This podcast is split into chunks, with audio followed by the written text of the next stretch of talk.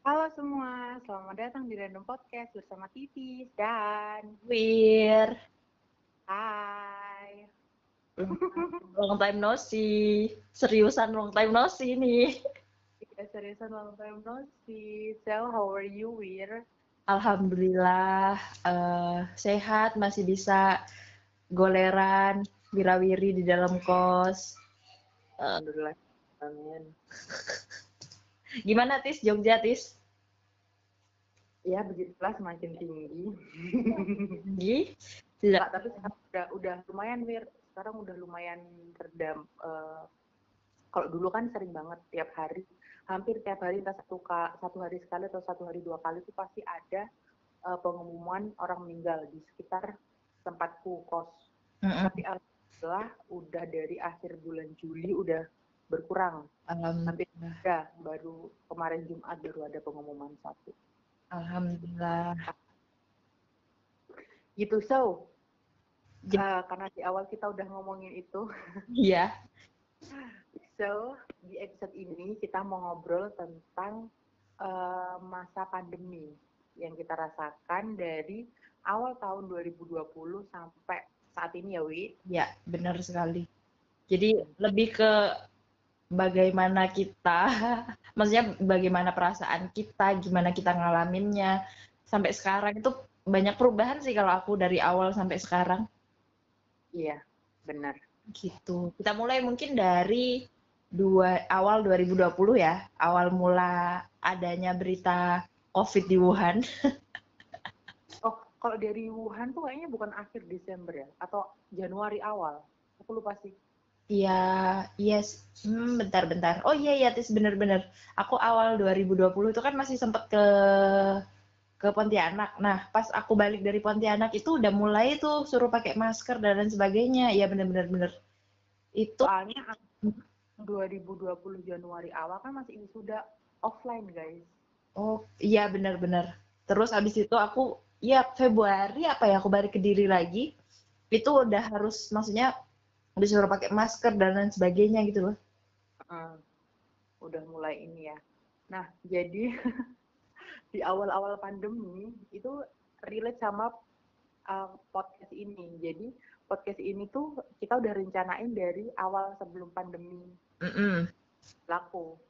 Kita udah masing-masing udah saling belajar. Nah, kita mau take ternyata ada eh, regulation, ada Apa ya, nanya dulu, pembatasan awal-awal tuh loh. lupa namanya dari pemerintah supaya kita nggak keluar rumah. Jadi kita stay at home Hmm. gitu deh. Terus Jadi kita terus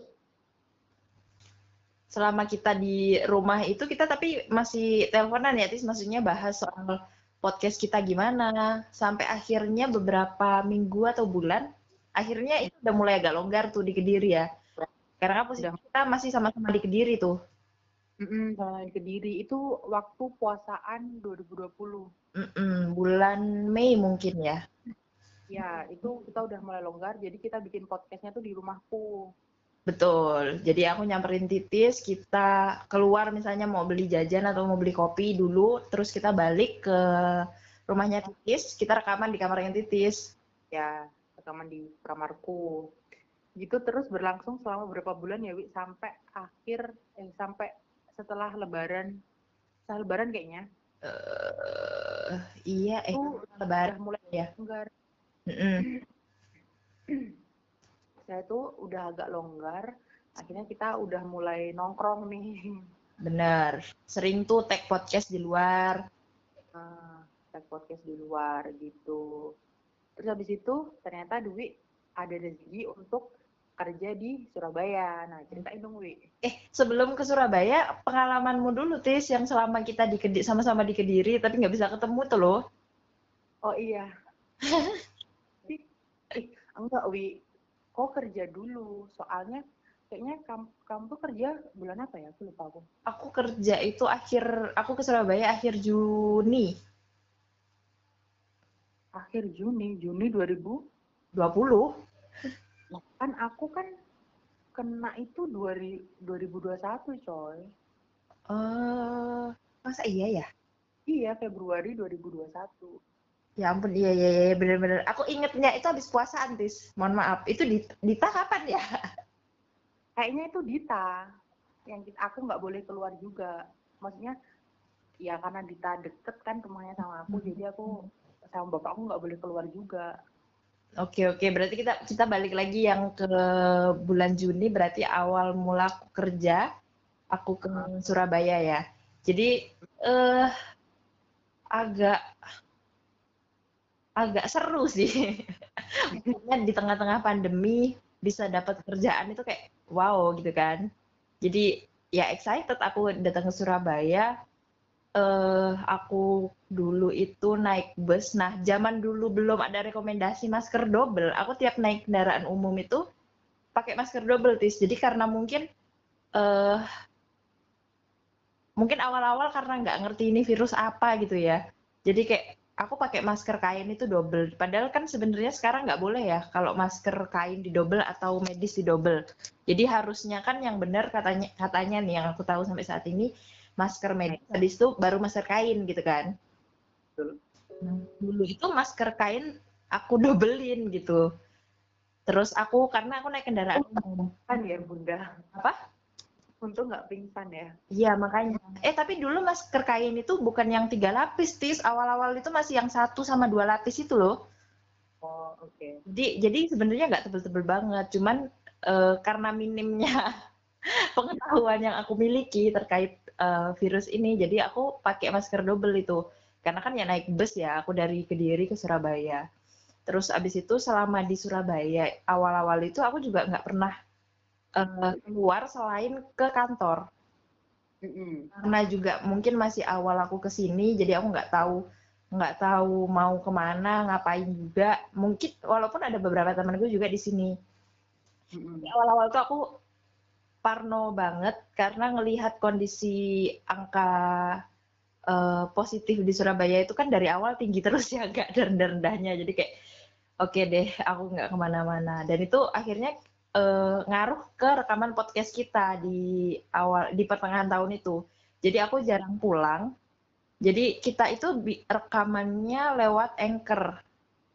Iya, benar. Sama uh, abis itu baru kepikiran lewat telepon itu kapan ya, Tis? Apa baru-baru ini aja ya kepikiran lewat telepon rekaman?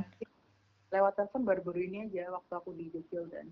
Jadi dulu itu ya lewat uh, Anchor itu. Terus setelah itu kayaknya udah agak longgar tuh aku udah berani pulang jadi aku sebulan sekali itu ada sekali pulang ke rumah dan pasti uh, rekaman podcast sama titis dan nyetok gitu loh iya itu berlangsung sampai uh, Januari awal kayaknya Januari awal oke okay. nah aku bahkan masih ingat tuh kita kayaknya share tahun lalu tuh masih ngopi sama Mbak Risna yang dari Jember, kamu yang dari Surabaya, dan Halim yang dari Sidoarjo. Benar. Walaupun kita nyari, nggak tahu ya, atau kebetulan aja kita nyari lokasi yang outdoor semua ya. Enggak, tapi kan yang kedua kan indoor. Oh, oh iya, kita dua kita pindah loh guys, jadi. Mohon maaf. Ngopi satu tempat nggak cukup. Yang soalnya perginya dari pagi. Iya iya benar benar benar. Dan itu aku nyambi WFH deh sih ingat. Kok aku bawa laptop deh. Uh, karena itu masih hari itu hari Sabtu kan kok masih setengah hari. Benar benar. Jadi dulu aku uh, pulang itu juga agak panjang gitu loh karena jadwalku WFH itu uh, yang dulu ya jadwal WFH aku itu hari Senin Jumat Sabtu. Jadi kalau misalnya aku balik ke diri itu biasanya Kamis malam atau Jumat pagi, itu tuh hari Senin sore aku baru balik ke Surabaya. Jadi kan banyak tuh waktu buat sebenarnya ketemu kita nongkrong rekaman itu ya? Ya benar. Gitu. Gitu. Terus pas Februari uh, kita sebenarnya udah nggak ada stok ya Wi kayaknya aku lupa kita ada stok atau enggak waktu itu kayaknya kok lagi pulang ke Kediri hmm. tapi itu kan habis cut off kan uh, uh. aku tiap pulang itu selalu ngepasin habis cut off biar maksudnya habis stress cut offan aku pulang. Nah pas itu ternyata bapakku tuh positif. Mm -mm. Bapakku positif waktu tahu itu langsung bukan waktu waktu tahu sih.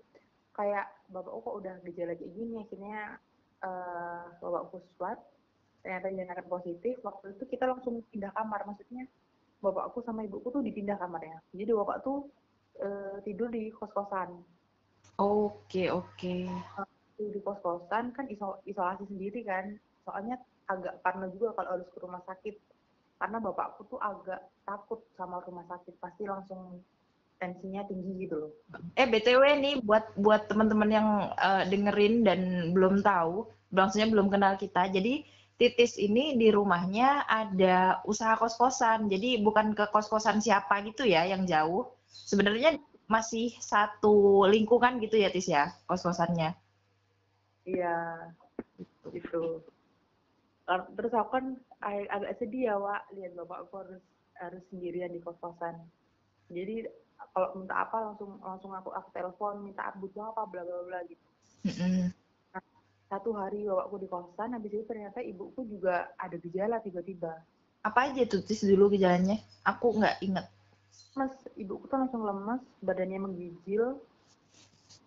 Uh, abis itu aduh kenapa nih ibu aku ya kan akhirnya kayak ibuku kayak gitu terus selama dua hari. Terus kita juga kasihan sama ibu nggak ada temennya.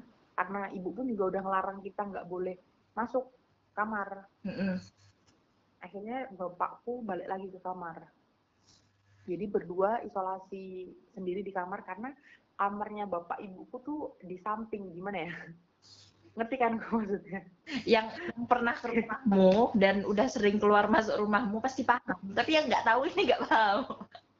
Jadi rumahku tuh ada rumah pertama di awal apa rumah oh. tengah. Iya rumah tengah itu yang di situ ada ruang tamu ruang keluarga ada kamarku kamar utiku nanti di samping rumahku tuh ada rumah lagi. Sebenarnya itu nyambung. Ada satu ruang nyambung.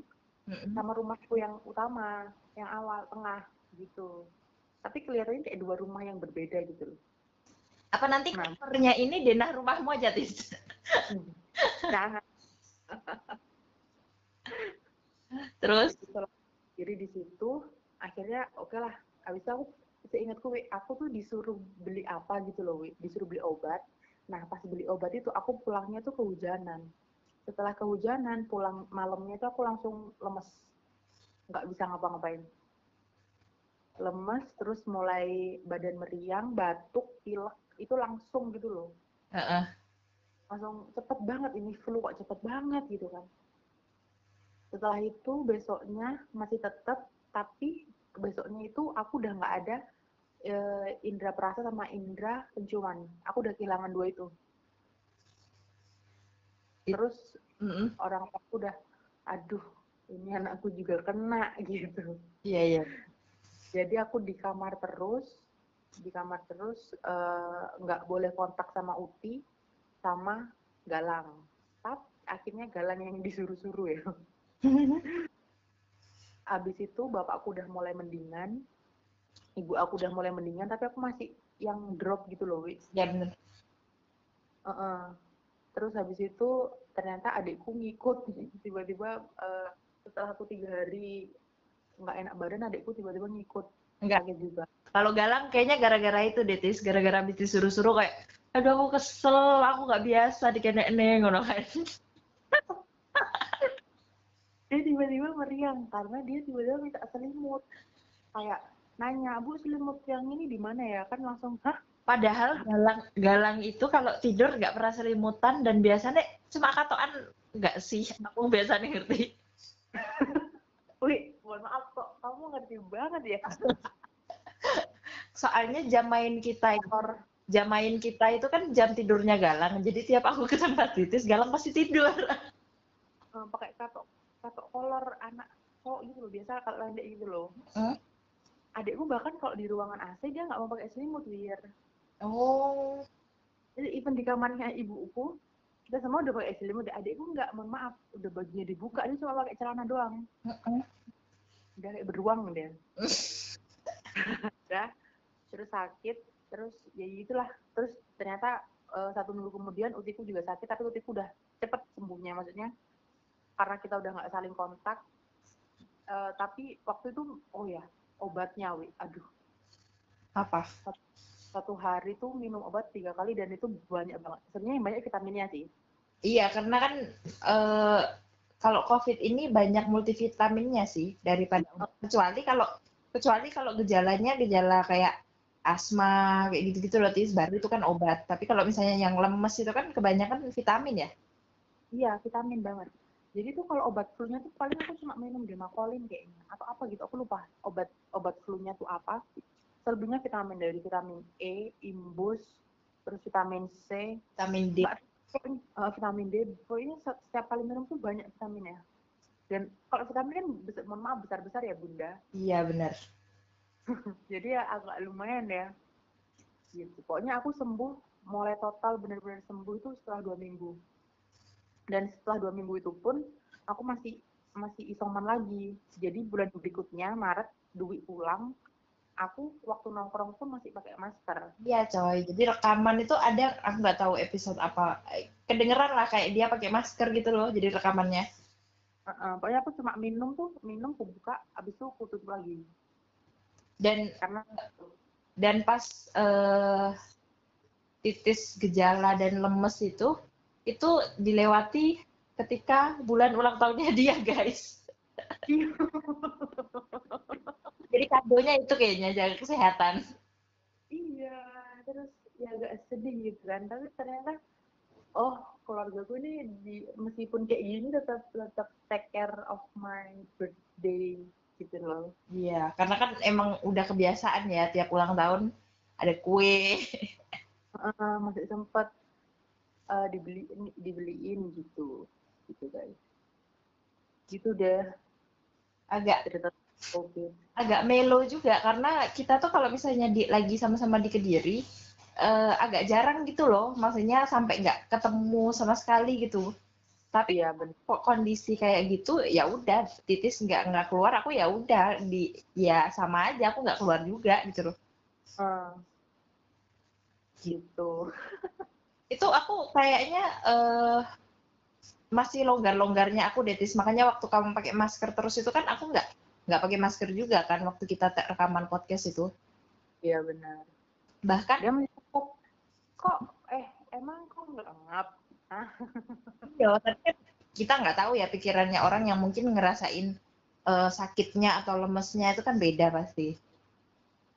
Se sebenarnya sih takutnya tuh bukan aku takut untuk uh, ada bukan takut karena kamu dari Surabaya terus nularin aku enggak sih karena takutnya tuh nular? aku ah, iya aku takut kalau ternyata aku tuh belum sembuh 100% dan bisa nularin kamu gitu loh. Bener bener bener ini ini ada ada cerita lucu. Bukan lucu gak lucu ini. Jadi uh, waktu akhir Desember waktu akhir tahun 2020 eh ini kamu tadi ceritanya 2021 ya Iya 2021. Ini, ini balik lagi ya jadinya. Iya balik lagi. Balik lagi kapan? Desember 2020 itu kan uh, resepsi Mbak Resti nikahan. Iya. Titis ketawa karena Titis tuh seharian di rumah di rumahku juga bantuin gitu loh. Jadi waktu itu aku uh, masih jadwal shift yang WFH WFO itu. Nah WFH aku itu kan hari Senin Jumat Sabtu seperti yang tadi aku bilang. Acaranya itu hari Jumat atau Sabtu aku nggak inget. Sabtu Sabtu. Sabtu ya. Terus habis itu ya aku e, karena WFH ya udah pagi itu aku nyelesain kerjaanku. Habis itu aku turun karena itu kan acara resepsi doang ya. Maksudnya akadnya kan udah dari bulan aduh bulan apa ya akadnya mbakku ya tis Juni apa Juli ya lupa guys pokoknya habis oh, sebelum Dwi ke Surabaya iya berarti Juni ya Juni mungkin Mei Juni lah terus abis itu uh, ketika aku udah di rumah tuh aku kan si si wirawiri ya si wirawiri. Jadi kalau misalnya ada apa habis gitu aku disuruh keluar suruh beliin. Terus uh, pas itu acaranya itu kan mulai dari pagi ya karena mbakku itu kan acaranya ada acara temu manten itu loh tis. Uh -uh. yang pakai baju Jawa adat Jawa itu loh pokoknya. Nah pagi itu tiba-tiba itu aku ditelepon sama atasanku. Uh -uh. itu posisi aku udah siap tuh, aku udah ready tuh, udah mandi, udah pakai baju uh, baju pitch pitch apa dusty pink pink dusty pink ini baju ini brokat nikahan aja kita kita berantemin warnanya. Nah, waktu pagi itu aku tiba-tiba ditelepon sama atasanku. Atasanku bilang bahwa uh, salah satu manajer kita di kantor itu positif. Jadilah aku parno selama seharian penuh itu aku nggak buka masker kecuali aku makan atau minum, guys. Mm -hmm. Itu aku Parno aku bawa, aku takut itu aku yang bawa gitu loh, Tis. Uh-uh. Karena posisinya seminggu itu masih ada interaksi gitu loh sama beliau, sama manajer kita itu. Jadi uh-uh. ya kan dulu itu shiftnya juga nggak seketat sekarang sih. Kalau aku mau cerita ya di kantorku dulu itu masih aku sehari eh seminggu itu ada sehari yang masih ketemu sama atasanku. Kalau sekarang ini kan wes belas nggak ketemu kan seruangan satu orang. Nah, kalau dulu itu manajer-manajer masih masuk, sekarang itu mereka full WFH gitu loh. Jadi uh, masih ada interaksi lah sekali dua kali dalam waktu satu minggu. Kaget dong waktu dikabarin gitu. Ya itu ya mungkin yang dirasain Titis ketika dia habis positif. Parno bawa virus, jadi gak ada lepas masker sama sekali. Malamnya lagi ditambah, aku muntah coy. Karena mungkin masuk angin sih, tapi kalau pikirku ya, karena kecapean Nah, waktu Dwi full pakai masker, aku lah yang nyeletuk. Kok enggak pakai masker terus, ha? Tapi aku itu nggak cerita ke siapa pun di hari H ya. Dia nggak cerita sama dia dia aku inget kok nggak cerita ke siapa pun karena takut jadi pikiran. Iya. Untuk semua orang. Bener. Ceritanya H plus sekian baru cerita. Bener padahal waktu itu juga uh, kayak Putri Rahayu itu kan ke Kediri kan? Padahal padahal malamnya itu kita janji aku mau nyamperin mereka ke penginapan. Tapi aku, karena aku udah demam itu malamnya jadi aku nggak berani. Besoknya ternyata pas aku bangun aku seger akhirnya baru kita ketemu. Dia sih kayaknya masuk angin. Soalnya dari siang hujan terus ya Wi. Iya bener. Dan dari siang di luar terus kan uh, dan kita di depan eh terpapar angin. Gitu. Itulah pokoknya ceritanya. Jadi ingat mungkin perasaan titis waktu uh, abis Pak Wit positif mungkin itu juga ya yang aku rasakan waktu itu. Maksudnya aku habis interaksi sama orang yang positif ternyata positif jadi aku parno seharian pakai masker nggak mau ngelepas dan nggak ngomong ke siapa pun. Iya benar Nah, balik lagi sebenarnya di bulan Agustus itu tis 2020, itu aku bahkan masih sempat main ke Malang loh. Iya. Itu Dwi masih sempat main ke Malang dan waktu bulan itu pun aku rajin banget pergi ke coffee shop. Hmm, luar biasa. itu udah longgar soalnya. Pokoknya setelah lebaran tuh kayaknya longgar banget, Wi. Jadi kayak oke okay deh gitu ya. Sekarang ya oh. Itu kita ke kejauhan nih baliknya. Terus balik lagi di bulan Februari setelah titis uh, selesai soman, abis itu kita itu agak longgar lagi nggak sih tis ya? Aku lupa. Iya agak longgar. Itu aku masih main, masih masih main nih, masih main, masih pergi-pergi nongkrong. Mm-hmm. Terus Halim juga masih sering balik ya ke diri. Oh, balik. Kamu ke Jogja bulan apa, Tis? Aku ke Jogja bulan Bulan apa ya? Buset. Jun. Apa? Jun, Juni, Juni. Juni ya? Hmm. Nah, bulan Juni udah longgar, semuanya kan udah longgar nih. Uh -uh. Terus akhirnya dapat panggilan ke Jogja. Awalnya masih ragu, karena aduh kok jauh dan sekarang lagi pandemi gitu kan. Jogja banget nih gitu ya. Iya, Jogja banget nih. Tapi akhirnya aku ambil, terus uh, itu masih longgar wi. Jadi Malioboro tuh masih dibuka juga. Padahal sebelumnya Malioboro tuh ditutup. Mm-hmm. tapi waktu aku pindah ke sini kan kita nginepnya di uh, daerah Malioboro kan. Jadi malam ke Malioboro masih rame ke mana-mana masih rame. Pokoknya ya longgar. Habis itu di Jogja selama dua mingguan kayaknya. Tiap weekend aku pasti keluar untuk explore. Lalu muncullah PPKM. Oke. Iya bener, waktu Titis ke Jogja tuh masih agak longgar tuh. Sampai aku juga sempat keluar kota lagi, Tis, pas itu. Aku sempat Iya. ke Lumajang. Iya, dia cerita kalau ke Lumajang. Nah, experience-ku ke Lumajang itu juga seru sekali rasanya. Gimana tuh? Jadi waktu aku ke Lumajang itu kan memang karena eh, sebelumnya kan put- kita udah ketemu di Malang sama Putri sama Rahayu sama Egi terus terakhir yang bulan Desember 2020 aku bilang tadi mereka nyamperin ke Kediri kan. Hmm.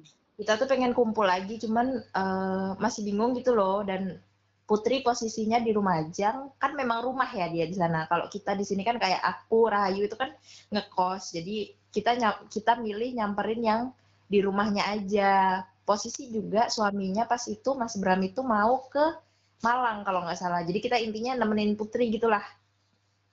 Nah, ke sana lah. Aku naik bus waktu itu. Aku naik awal Juni kalau nggak salah. Aku naik bus ke sana. Seperti yang aku bilang, dari awal aku ke sini kan aku kalau naik kendaraan umum, entah itu Heeh. bus atau kereta, maskerku pasti double. Cuman sekarang udah agak teredukasi nih. Jadi masker medis baru masker kain. Hmm. Nah, pas aku ke Lumajang itu, pas aku di bis, awal naik tuh nggak gitu kaget sih, Tis. Awal naik ya Heeh. karena kan mungkin masih hawa Surabaya ya orang-orang masih parno pas udah masuk daerah Probolinggo kalau nggak salah kok Hmm. sah ini ya orang jualan pengamen masuk tanpa masker penumpangnya juga kayak yang pakai masker double itu cuma satu dua gitu loh terus sampai di. Lumajang sampai di tempatnya Putri aku kan dijemput sama Putri habis itu aku nyampe ke rumahnya itu kan ya rutinitasku ketika aku kayak aku pulang ke Kediri gitu loh aku datang mandi ganti semuanya barang-barang yang di luar kayak tas botol minum HP kacamata yang biasanya aku pegang ketika perjalanan semuanya aku semprotin begitupun Iya. aku pulang ke Kediri ke Kediri juga pasti gitu ja- udah nyiapin satu bak buat bajuku yang aku pakai saat itu sama nyemprotin semua yang eh, kontak keluar di, di luar tas gitu loh. Jadi tas luar, eh, botol minum yang biasanya aku keluarin, terus kacamata, HP, pokoknya aku semprotin. Nah, pas aku nyampe tempat Putri kan aku gitu juga kan. Terus dia sampai ya ampun mau kok Surabaya iki karena mungkin di Lumajang nggak gitu itu ya. Maksud Iya. eh, orang-orangnya nggak gitu banyak yang nggak pakai masker intinya pokoknya di sana. Cuman kalau Putri sih alhamdulillah dia jaga banget karena kan dia juga nggak pernah ke mana-mana. Iya. Tuh. Jadi kayak aku shock gitu ketika ngelihat di sana kak pakai masker. Aku ini nyemprotin sembarang kalir. gitu. Tapi Ya. eh, beda nggak sih waktu naik ken- kendaraan umum pas pandemi sama sebelum pandemi? Hmm. Eh, lebih ke aku sebel aja sih kalau ngelihat orang yang apalagi penjual ya. Maksudku bukan aku nggak boleh orang jualan ya Tis. Lebih ke ya nggak apa-apa keluar masuk, cuman ya bisa nggak pakai masker gitu. Ah, Oke oke. Eh kalau di bus tuh nggak ada ini ya pembatasan jarak ya? Sempet ada, sempet ada itu kayaknya cuman beberapa bulan gitu loh. Habis itu udah nggak ada lagi. Oh kan kalau kereta kan ada kan katamu? makanya aku lebih suka itu pulang ke diri aku lebih suka naik kereta karena masih ada pembatasan maksudnya kursi-kursi masih disilangin terus eh, dan nggak ada interaksi orang kayak pe- penjual kayak gitu kan lebih enak di kereta ya kalau aku gitu. Gitu jadi karena aku selama pandemi itu aku nggak pernah naik kendaraan umum. iya titis terus Jogja itu kan juga bawa kendaraan pribadi ya tis ya Saya dianterin gitu. Habis itu juga safe juga karena kan disuruh kan. Mm-mm. sebelum masuk iya dulu tuh ih ini aku ngalamin dari zamannya rapid darah terus swab dicolok gitulah terus masuk ke masa ppkm tis Heeh. Itu masa ppkm gimana? ah Oh, sebelumnya, sebelum masuk masa PPKM, oh ya, pas setelah masuk masa PPKM, aku sama Dwi kayaknya ribet Kenapa tuh? ngurusin, eh, enggak, eh, cari info tentang Vaksin. vaksin, Bener. gitu. Ya, bisa diceritakan dulu dari Dwi, gimana? Beruntungnya, jadi aku tuh sebenarnya eh, kepikiran mau vaksin, cuman nggak mau ribet gitu loh, Tis. Terus kebetulan eh, teman kosku ini, eh, Jasmine, itu kan ngajakin aku nyari vaksin dan lain sebagainya, nyari surat domisili lah, karena kan kita ngekos di sini. Terus Mm-mm. udah nyari itu sampai akhirnya eh, ternyata Jasmine dapat vaksin duluan karena dapat info dari temennya. Pada saat itu harus berangkat vaksin ya udah. Terus aku alhamdulillahnya dapat info vaksin dari ibu kosku karena ibu kosku kayak eh, kader kesehatan gitu loh di wilayah sini. Aku dapat dikasih belangkonya itu. Aku disuruh ke sana itu tanggal 1 atau 2 Juli ya. Pokoknya sebelum PPKM antara tanggal 1 atau tanggal 2 hari Jumat pokoknya aku inget soalnya aku izin kerja nah aku dapat vaksin tuh. Alhamdulillah di hari Jumat pagi itu nggak ngantri. Jadi sampai sana itu ya banyak orang tapi nggak yang ruame sampai eh umpel-umpelan gitu loh. Ya jaga jarak. Makanya aku seneng banget waktu vaksin di sini tuh. Lokasinya di halaman kantor kelurahan apa kecamatan gitu loh. Mm-mm.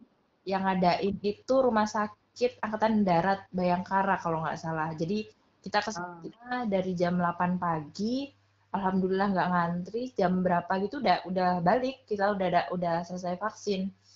Kebetulan aku kemarin dapet yang AZ nah aku tuh nggak tahu ketika nyampe sana yus nggak ngerti dapet yang mana. Pokoknya vaksin dulu lah pikiranku kemarin itu.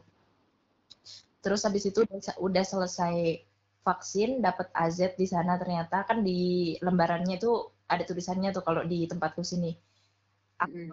eh kak kepikiran yang gimana gimana sih efek vaksin itu. Cuman kebetulan AZ ini ternyata ngefek di aku. Jadi waktu Gimana?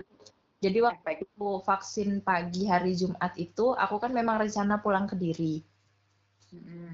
aku udah beli tiket tiketnya itu Jumat siang. Jadi aku memang izin full satu hari walaupun aku jadwal WFH ya sebenarnya. Aku izin vaksin pagi terus siangnya itu aku pulang ke Kediri. Nah waktu itu tuh nggak nggak ngefek apa apa tis ke aku. Cuman ya aku kan takut jarum suntik ya. Jadi ketika abis disuntik itu cuman aku bayanganku kayak masih kemeng-kemeng abis disuntik gitu loh. Jangankan suntik vaksin coy.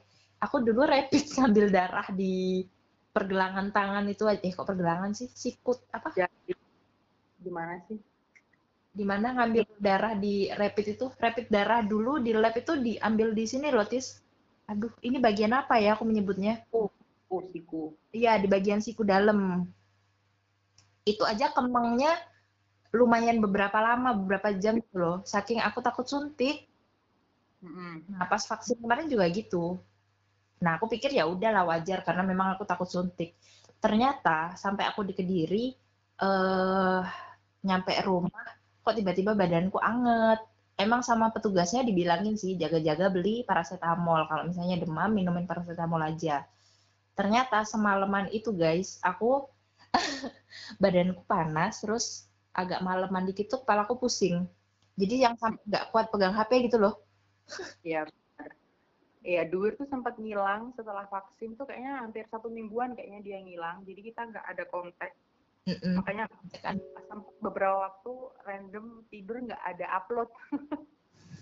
gitu. Nah, waktu itu pokoknya sebenarnya efeknya itu sampai hari Sabtu pagi. Jadi intinya efek di aku sampai Sabtu pagi setelah itu tuh ya kayak misal mager-mager aja. Kayaknya memang bawaan pribadi sih kalau mager ya. Enggak, soalnya lagian waktu Dwi vaksin tuh sama tepatan sama cut off juga nggak sih, Wi? Jadi hektik gitu loh. Iya, setelah setelah cut off, habis itu ngepas Oh. PKM. Aku nggak bisa balik ke Surabaya karena memang nggak boleh datang ke kantor.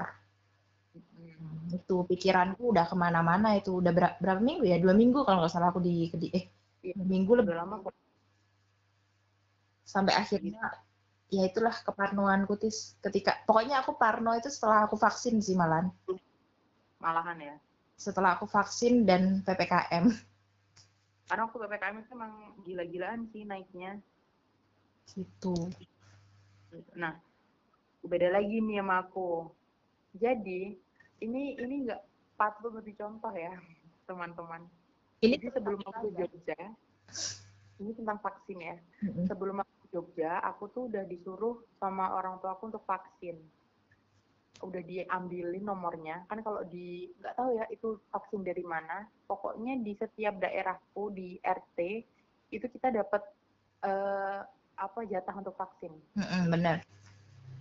Nah aku nggak mau karena aku melihat uh, ibuku waktu saat itu setelah vaksin sakitnya luar biasa kayak kayak dulu sakit zaman corona wah ya namanya kan juga disuntikin ini ya virusnya kan. Iya benar. Dan ibuku waktu itu juga asam lambungnya langsung naik. Itu pokoknya bener-bener setelah vaksin hampir satu bulanan ibuku tuh nggak bisa ngapa-ngapain. Maksudnya eh cuma tidur karena lemes banget gitu loh wi. Benar. Karena mungkin Dap waktu itu juga ya? apa? Dapat azan juga ya? Iya dapat iya dapat astra juga. Nah tapi mungkin karena saat saat vaksin imun ibuku lagi rendah juga. Akhirnya efeknya luar biasa aku nggak mau. Pada saat itu. Terus? Pada saatnya privilege untuk uh, tuduh vaksin aku nggak mau. Setelah sampai Jogja uh, selang satu minggu itu ada uh, teman teman kantor yang bilang eh ada vaksin di Siloam. Buruan deh daftar. Semuanya daftar. Aku juga mau daftar tapi aku ingat. Jadi si Leli itu mau ke sini bulan Juli. Nah, aku dapat vaksin itu bulan dapat jatah tuh bulan Juli. Pikirku ah aku nggak daftar dulu deh, kan aku nggak lucu kalau Leli ke sini tiba-tiba aku sakit, ya. ngerti nggak? Iya iya iya. Aku miss di situ. Ya udahlah nanti aja. Lagian corona juga nggak tinggi-tinggi amat pada saat itu. Iya iya. Kayaknya aku corona tuh udah akan lenyap gitu loh. Nah, setelah itu tiba-tiba des ppkm hmm, ya allah bingungnya aku karena belum vaksin. Karena belum vaksin ditambah lagi di sini sendirian. Itu sih yang buat pikiran. Uh, di sini sendirian nggak ada siapa-siapa dan aku belum vaksin. Jadi kayak aku kayak nggak ada tameng gitu loh. Ya aku ngerti vaksin itu bukan berarti kau tidak akan terkena corona nantinya. Tapi at least setelah kau vaksin uh, dampak dampak saat ke corona tuh akan less gitu loh, akan rendah. Jadi saat itu aku mulai cari vaksin itu susah banget di Jogja karena mungkin banyak pendatang dan uh, puskesmas, rumah sakit ataupun ada layanan-layanan yang memberikan vaksin gratis itu pasti dibatasi yang bukan non domisili Jogja. Iya benar, karena prioritas orang Jogja asli ya. Ya benar.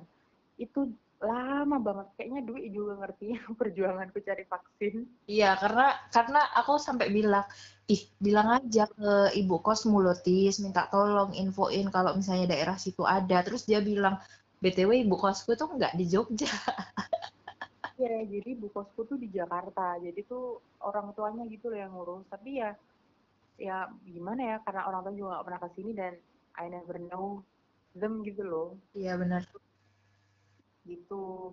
Akhirnya ada ada vaksin tentang UMKM dan um, apa namanya aku lupa. Gak tahu. Ini itulah. Koperasi koperasi UMKM dan koperasi. Uh, terus? Entah non domisili dan domisili itu semuanya bebas satu hari di satu hari itu jatuhnya 2.500 orang yang divaksin. Mm -hmm. ternyata aku dapat jadi aku vaksin tanggal 27 kemarin kayaknya dadakan tuh dia malam baru dapat WA ya Tis ya kok bisa ya vaksin dadakan Iya, jadi aku udah daftar beberapa hari, eh satu minggu sebelumnya, tiba-tiba malam banget aku mau tidur jam 10, hmm. dapat WA kalau ternyata besok aku vaksin jam 10 di di pasar Seni Gabusan. Hmm. Dan setelah aku cek tempatnya, masya Allah jauh banget, Wak. Iya, aku bayangannya dari kosku ke Bungurasi. Pulangnya jauh banget. Perjalanannya sekitar 30 sampai 40 menit. Ya benar. dan tadi waktu itu ada ini penutupan jalan. Jadi muter ya? jadi muter eh, eh, gitu. Aku vaksin dapet yang Sinovac dan itu antrinya juga lumayan. Dan itu kan waktu jam kerja ya. Jadi aku izin sehari. Jadi aku jam 9 berangkat ternyata nggak sesuai ekspektasiku aku kira akan cepet ya. Iya. ternyata aku baru pulang vaksin tuh jam setengah dua Wah. jadi juga lumayan Berasa. gitu deh. dan setelah vaksin lancar aja sih cuma kemeng aja di tangan terus nggak ada efek lain-lain gitu Nah, seka- sampai sekarang ini eh kamu gimana Tis? Maksudnya masih ngerasa parno atau enggak? Karena kan awal-awal sebelum PPKM kan kita sempet sama-sama sempet ngopi nih di masing-masing kota. Aku di Surabaya, di Jogja. Ketika aku WFH tuh, kadang aku masih eh, ke kafe tuh buat eh, WFH, maksudnya buat kerja dari kafe gitu. Heeh. Tis juga weekend itu masih sempet ya Tis ya? iya masih tiap weekend sebelum ppkm aku pasti keluar awal-awal parno waktu awal ppkm tapi setelah vaksin kayaknya parnoku semakin menurun. Terus kalau sekarang sih jatuhnya aku jadi gedek sebelum sebelum ke gedek kita ngomong aku mau eh, cerita soal yang waktu PPKM waktu aku di Kediri ya. Jadi oke. awal aku di Kediri itu kan eh, langsung PPKM ya. Aku datang tiba-tiba PPKM nggak bisa balik ke Surabaya. Aku hampir dua minggu lebih di Kediri. Dan yang Heeh. aku parno itu sebenarnya eh, karena kondisi kan aku serumah banyak orang ya Tis ya. Maksudnya ada bapak, ada mama. Kok halo? halo Kok HP ku tiba-tiba bunyi cut cut gitu ya? iya aku juga barusan denger kayaknya kok ada notif deh Gak tahu. Terus lanjut dulu ya. Terus Mm. eh, parnoku karena itu karena ada orang tua, ada anak kecil yang belum vaksin juga gitu loh Tis. Jadi lebih parno. Aku tuh bahkan nggak ada keluar sama sekali selama di Kediri kecuali aku belanja sesuatu. Jadi kalau misalnya perlu beli apa, Udah. Sorry guys, ada. ada kesalahan teknis. Oke, lanjut aku tadi terakhir ngomong soal aku parno di rumah ya. Ya, panas di rumah. Parno di rumahku itu karena ya itu tadi yang aku bilang banyak ada eh, mama yang belum divaksin. Jadi yang divaksin di rumahku ketika PPKM kemarin itu aku baru vaksin satu. Bapakku udah vaksin lengkap ya karena dapat eh, dari dari mana ya? Aku lupa. Dari kantor apa dari kelurahan ya? Adikku itu masih daftar. Mama itu masih nunggu nunggu jadwal karena mau bareng sama siapa gitu di sama keluargaku gitu loh tis pokoknya. Jadi nunggu dah nunggu barengan. Terus mbakku itu posisi baru eh, ngelahirin kan, jadi ya baru daftar nyari nyari jadwal. Nah masku udah vaksin satu juga sama kayak aku. Jadi aku mau keluar itu kayak kayak berat gitu loh, takut. Kayak makin makin ke sini kan kita nggak tahu nih tis, maksudnya eh kemungkinan kemungkinan kecil itu ada gitu loh. Kayak misalnya kita ketemu siapa, terus kita nggak sengaja papasan sama siapa, tiba-tiba eh, langsung gejala berat, kayak itu gitu kan sering banget ya terjadi. Jadi kayak aku menghindari keluar, apalagi kerumunan. Bahkan ketika aku pulang ke Surabaya pun, aku nunggu bareng waktu eh, masku sama Deka pulang ke Surabaya juga. Jadi aku bawa kendaraan pribadi. Nggak kebayang kalau aku harus naik kendaraan umum. Iya benar. Oh ya, sebenarnya tuh yang bikin beda ya, Wi. Kalau aku sendiri, aku pribadi, Hmm? awal corona itu aku nggak sebegitu parno karena aku pikir anak muda itu akan cepat pemulihannya. Maksudnya imun kita karena imun kita masih bagus Heeh. dan itu kan berita-berita yang ada itu anak muda itu selalu cepat dan nggak ada case yang sampai parah banget gitu Iya, benar-benar. waktu itu waktu awal corona. Tapi karena yang sekarang ini saat ppkm ini kan ada varian baru, varian delta. Heeh. Itu kayaknya nggak pandang bulu, kok masih muda, kok tua, kok apa ya kalau resiko dapet dan emang ada bawaan lain-lain ya you will die gitu loh makanya kan semakin kita semakin parno. Yang bikin makin parno gitu. Iya benar-benar. Gitu. Terus setelah Koparno dan setelah vaksin kan tuh udah di Surabaya nih udah balik Surabaya. How do you feel right now? Mm, masih parno sih tis. Kayak misalnya uh, waktu sebelum maksudnya beberapa bulan lalu ya aku kayak misalnya makan di luar itu aku masih berani sekarang itu aku udah nggak berani ya udah kayak awal-awal aku di sini aja. Aku kalau beli makan ya aku bawa ke kosan. Di kantor itu sempet loh aku uh, awal-awal di kantor itu kan ada kantin ya di ru daerah ruko itu ada kantin. Uh, dari awal aku kerja aku sampai kapan ya aku nggak pernah makan di kantin. Aku pasti aku bungkus. Nah beberapa bulan lalu tuh udah agak longgar tuh aku.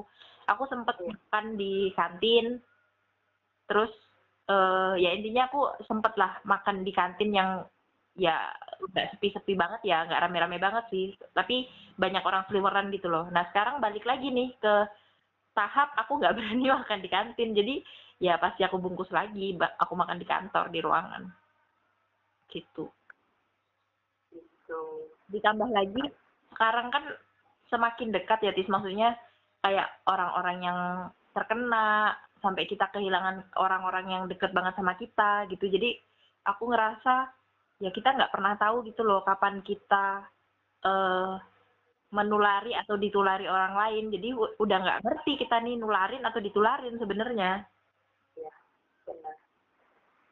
Itu deh. Kalau kamu berarti sekarang gimana tis? Di kantor? Kalau aku di kantor soalnya sangat amat prokesnya double double triple karena memang ada sampai uh, aku cerita ke titis juga kayaknya kemarin. Ada suaminya suaminya orang kantorku juga meninggal. Terus uh, orang kantorku juga ada yang meninggal. Jadi kayak ya di kantor itu seruangan nggak boleh berdua. Jadi kalau misalnya aku ngantor ketika uh, Pak Danang ngantor ya kita pisah ruangan. Aku ada di ruangan training Pak Danang ada di ruangan HR jadi benar-benar ngurangin intensitas ketemu langsung. Kalaupun harus di satu ruangan berdua itu pintunya nggak kita tutup. Jadi kita buka aja gitu. Iya iya. Itu sih. Aku di kantor uh, udah ada shifting kan WFH WFO mm -hmm jadi nggak segitu padat juga orang-orang kantor. Orang-orang di ruangan juga nggak nggak padat dan pakai masker sih. Semuanya pakai masker. Tapi kalau aku kemarin sempet nggak pakai masker karena aku ada masalah di ini loh kayaknya aku ada alergi. Iya. Nah, alergi sama masker. Akhirnya uh, muka aku semuanya tuh gatel. Awalnya itu cuma di bagian masker yang aku pakai masker terus tiba-tiba menyebar. Dan itu benar-benar gatel banget kalau ada sesuatu yang nempel di muka. Iya, aku ingat banget titis. Tiba-tiba mukanya berstek, bertekstur. Bertekstur dan merah-merah banget. Itu nggak nyaman banget sih, tapi uh, orang-orang kantor juga maklumin. Alhamdulillah. Ya. Tapi setelah udah mendingan, uh, aku pakai masker lagi. Iya, benar-benar. Nah, yang awalnya aku uh, Parno sekarang tuh lebih aku tadi bilang gede kan jadi mm -hmm. oh, karena udah lama nggak ke mana-mana sebenarnya tuh nggak pengen yang ekspor ke mana-mana juga sih kadang tuh aku pengennya tuh pengen pergi aja ke coffee shop. Iya. Yeah. ya um, itu kan one of my healing uh, time ya. Mm -hmm. gitu. Jadi terus somehow aku lihat orang di Instagram yang enjoy banget pergi sana kemari gitu. Tapi ya ya gimana ya mau mau nyalain juga. Ya gimana orang kan cara ngadepin pandemi. Pandemi ini kan beda beda iya benar kita nggak tahu. Uh -uh. awalnya aku yang agak emosi jadi ya akhirnya oh ya udah sih orang orang beda beda nanggepin pandemi ini. Ya udah kalau aku nggak mau lihat itu ya nggak usah aku lihat. Nggak usah lihat media media sosial gitu benar benar. Mungkin salah satu hal lagi yang nyebabin kita eh aku aku nggak tahu kamu menjadi lebih parno atau enggak kayaknya juga sih karena uh, sempet kan kemarin itu kita off berapa episode ya Tis ya? Ya hampir satu bulan kita off. Satu bulan off. Itu karena memang uh, salah satu sahabat kita juga uh, meninggal gitu loh. Jadi mungkin itu jadi penyebab juga kita semakin aku sih spesifiknya lebih parno. Padahal ya gimana ya kita semakin nggak tahu gitu loh kondisi kayak gini nih akan bertahan sampai kapan? Terus kita ini sehat atau enggak? Karena banyak juga yang nggak bergejala. Ya itulah pokoknya. Begitu sih. Jadi ya semoga pandemi ini cepat berlalu. Maksudnya angka yang corona juga semakin menurun dan angka orang yang sembuh semakin naik. Amin. Semoga makin normal negeriku. Iya. Tapi benar tipis tadi pas bilang uh, kita kalau misalnya ngelihat orang yang masih keluar dan lain sebagainya, maksudnya yang keluar nongkrong ya lebih tepatnya mungkin. lebih ke gemes aja ya Tis ya? Iya lebih ke gemes tapi ya ya udahlah. Ya udahlah sama aku juga gitu kayak misalnya beberapa beberapa ada temenku yang misal kayak ngajakin ke mana gitu ya aku bilang aku ya aku jawabnya gini aja aku sorry ya aku masih masih parno sekarang mungkin nanti aja. Maksudnya nunggu mungkin feelingku bad uh, feelingku baik gitu mungkin aku mau gitu loh diajak keluar atau ke mana. Kalau untuk saat ini kayak masih nggak dulu deh gitu ya aku bilang aja ke teman-temanku aku masih parno gitu. Iya sampai sekarang aku juga belum berani uh, pulang. Itu ya salah satunya juga masih parno itu juga. Gitu. Jadi kalau diajak teman-teman ya wi. Mm-hmm. kok dari teman-teman sebenarnya tuh yang aku kangenin tuh bukan pergi sama teman-temannya tapi kayak kalau aku pergi sendiri. Bener gitu. bener. Karena kita kan sering ya maksudnya nongkrong ngopi sendiri gitu. Uh, ya itu aku kangen ketika aku pergi sendiri lihat lihat orang-orang terus ambience-nya kayak I miss that time sekarang aku nggak tahu ya udah udah pada buka atau belum ya kafe-kafe yang biasanya kita datengin sebenarnya kalau buka sih buka tapi emang kita memilih untuk tidak pergi Enggak, maksudnya mungkin beberapa masih ada yang uh, take away aja atau gimana gitu loh, tis kondisi uh. ini. Gitu. Jadi ketemu jadi kalau misalnya aku pribadi ketika aku ngerasa cemas ya aku memilih tidak melakukan itu gitu loh daripada nanti aku kepikiran sendiri gitu. Jadi kayak misalnya aku kepikiran aku sekarang sehat tapi aku nggak tahu aku ada kemungkinan bawa virus dan sebagainya. Ya daripada aku kepikir aku pulang ke diri dan aku kepikiran itu aku malah stres sendiri aku untuk sementara memilih ya udah aku di sini dulu aja gitu. Nggak nggak usah ke mana-mana. Sampai mungkin beberapa minggu atau bulan ke depan iya benar. Orang tua aku juga sempat nanya kan kapan aku pulang? Gitu. Ya nggak bisa. Maksudnya aku saja juga nggak mau pulang dengan kondisi yang seperti ini. Maksudnya nanti aku rencana aku pulang tuh kalau aku udah vaksin full. Ya benar. Terus habis itu kereta api udah mulai jalan lagi. Karena kak, di kereta kan kita harus ini dulu ya. Uh, dulu. dulu ya. Benar. Jadi kita udah kayak oh aman nih aku untuk pulang. Karena aku nggak mau menulari. Aku nggak mau ngebawa something bad iya gitu Iya, apalagi kondisinya kan di di tempat titis juga ada Mbah Ti gitu loh. Iya, ada yang sepuh gitu. Bapakku juga, bapak ibuku dorong aku juga ada riwayat penyakit yang lumayan gitu. Ya, untuk saling menjaganya ya uh, cara kita adalah tidak pulang terlebih dahulu untuk sekarang. Jadi kangen-kangenannya ya lewat video call Iya benar. Begitu sih. Buat oh iya, gue. Apa? By the way, hmm? aku tadi pagi udah ditelepon sama bapakku kan. Gimana? Jadi teman-teman dan kamu, Wi, tolong ya doain bapakku semoga sehat selalu karena kemarin bapakku ini dapat serangan jantung. Ya semoga semuanya lah keluarga semua yang dengerin semoga ya dilindungi sehat selalu. Karena sekarang itu sehat selalu tuh bukan basa-basi kayak dulu gitu loh guys. Iya.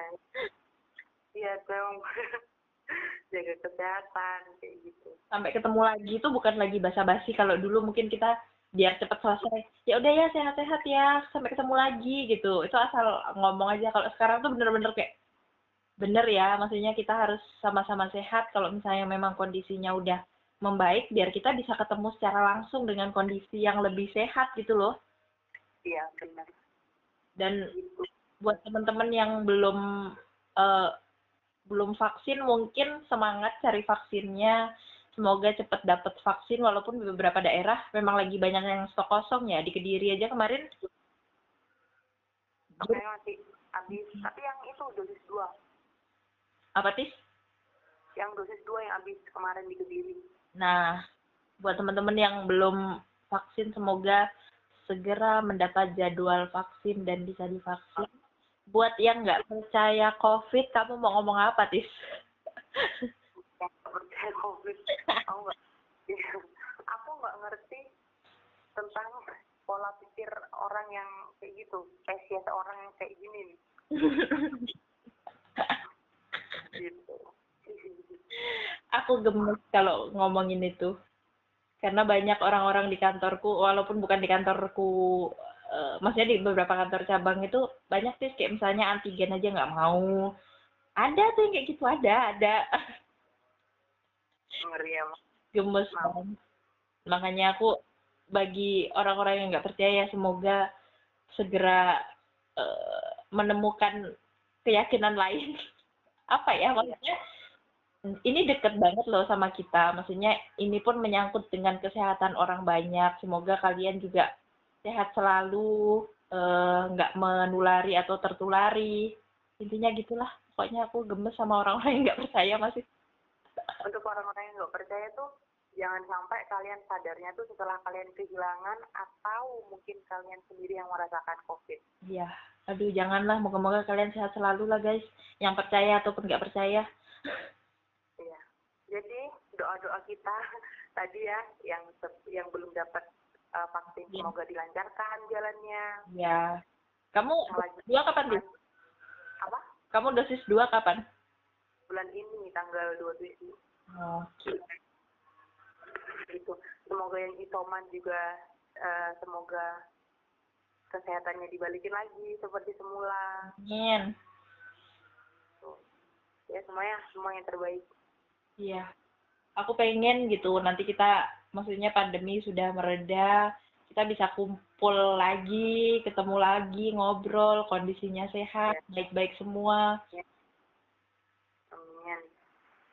betul itu entah ketemunya di Kediri atau di Surabaya atau di Jogja ya Wi iya makanya walaupun sekarang ini jadi episode intinya kita curhat aja sih eh selam apa sih pengalaman kita selama masa pandemi awal-awal pertengahan sampai ppkm yang sekarang diperpanjang. Oh ya tadi kita kayaknya belum nyebut uh, ini apa sih upaya kita supaya kita nggak kena covid di saat ini. Upaya kita supaya nggak kena covid. Prok jadi kan uh, selain prokes kita akhirnya juga aware soal konsumsi vitamin. Nah, benar makan makanan sehat sayur lah. Uh, kalau aku lebih ke itu sih apa jangan sampai nunggu lapar baru makan. Jadi kan sering tuh maksudnya beberapa beberapa waktu aku kadang-kadang nunggu lapar baru makan, maksudnya udah lemes baru makan gitu kan. Sekarang tuh kayak ya udahlah semua semua tuh mau aku makan aja. Pokoknya jangan sampai aku ngerasa sampai nggak ada energi ataupun lemes baru aku makan. Terus vitamin terus okay. juga gitu deh dan kalau aku sekarang tuh upayaku adalah untuk berolahraga berolahraga lagi Oh iya. Aku tiap pagi sekarang itu tis balik lagi. Apa yang stretching 20 menit itu loh. Alhamdulillah. Aku lagi mengupayakan untuk olahraga lagi kayak dulu. Iya, karena se karena seger juga kan. Halim kemarin juga dia bilang kalau dia habis habis sepedahan itu lebih seger ya. Iya. Iya, kalau sepeda itu pasti lebih seger. Aku pun ngerasa kayak gitu. Jadi tiap pagi habis uh, stretching yang 20 menit itu ketika berangkat kantor itu ya fresh aja nggak ngantuk nggak apa gitu loh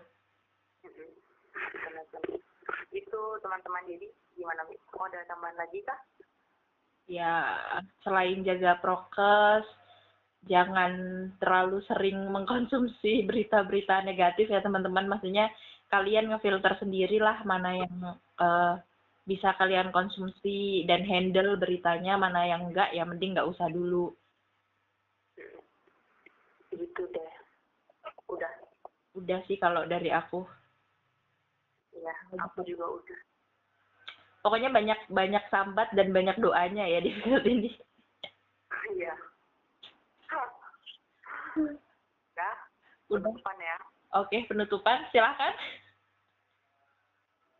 So, I would say that COVID is real. Yeah. Please with it and taati peraturan, taati prokes, jaga kesehatan selalu. Siap. Uh, jaga kesehatan selalu dan sayangi orang-orang di sekitar kalian dengan cara tidak bertemu dulu, saling menjaga. Uh, semoga episode ini ada manfaatnya dikit-dikit di kalian yang dengerin. Amin. And you guys in the next episode. Dadah.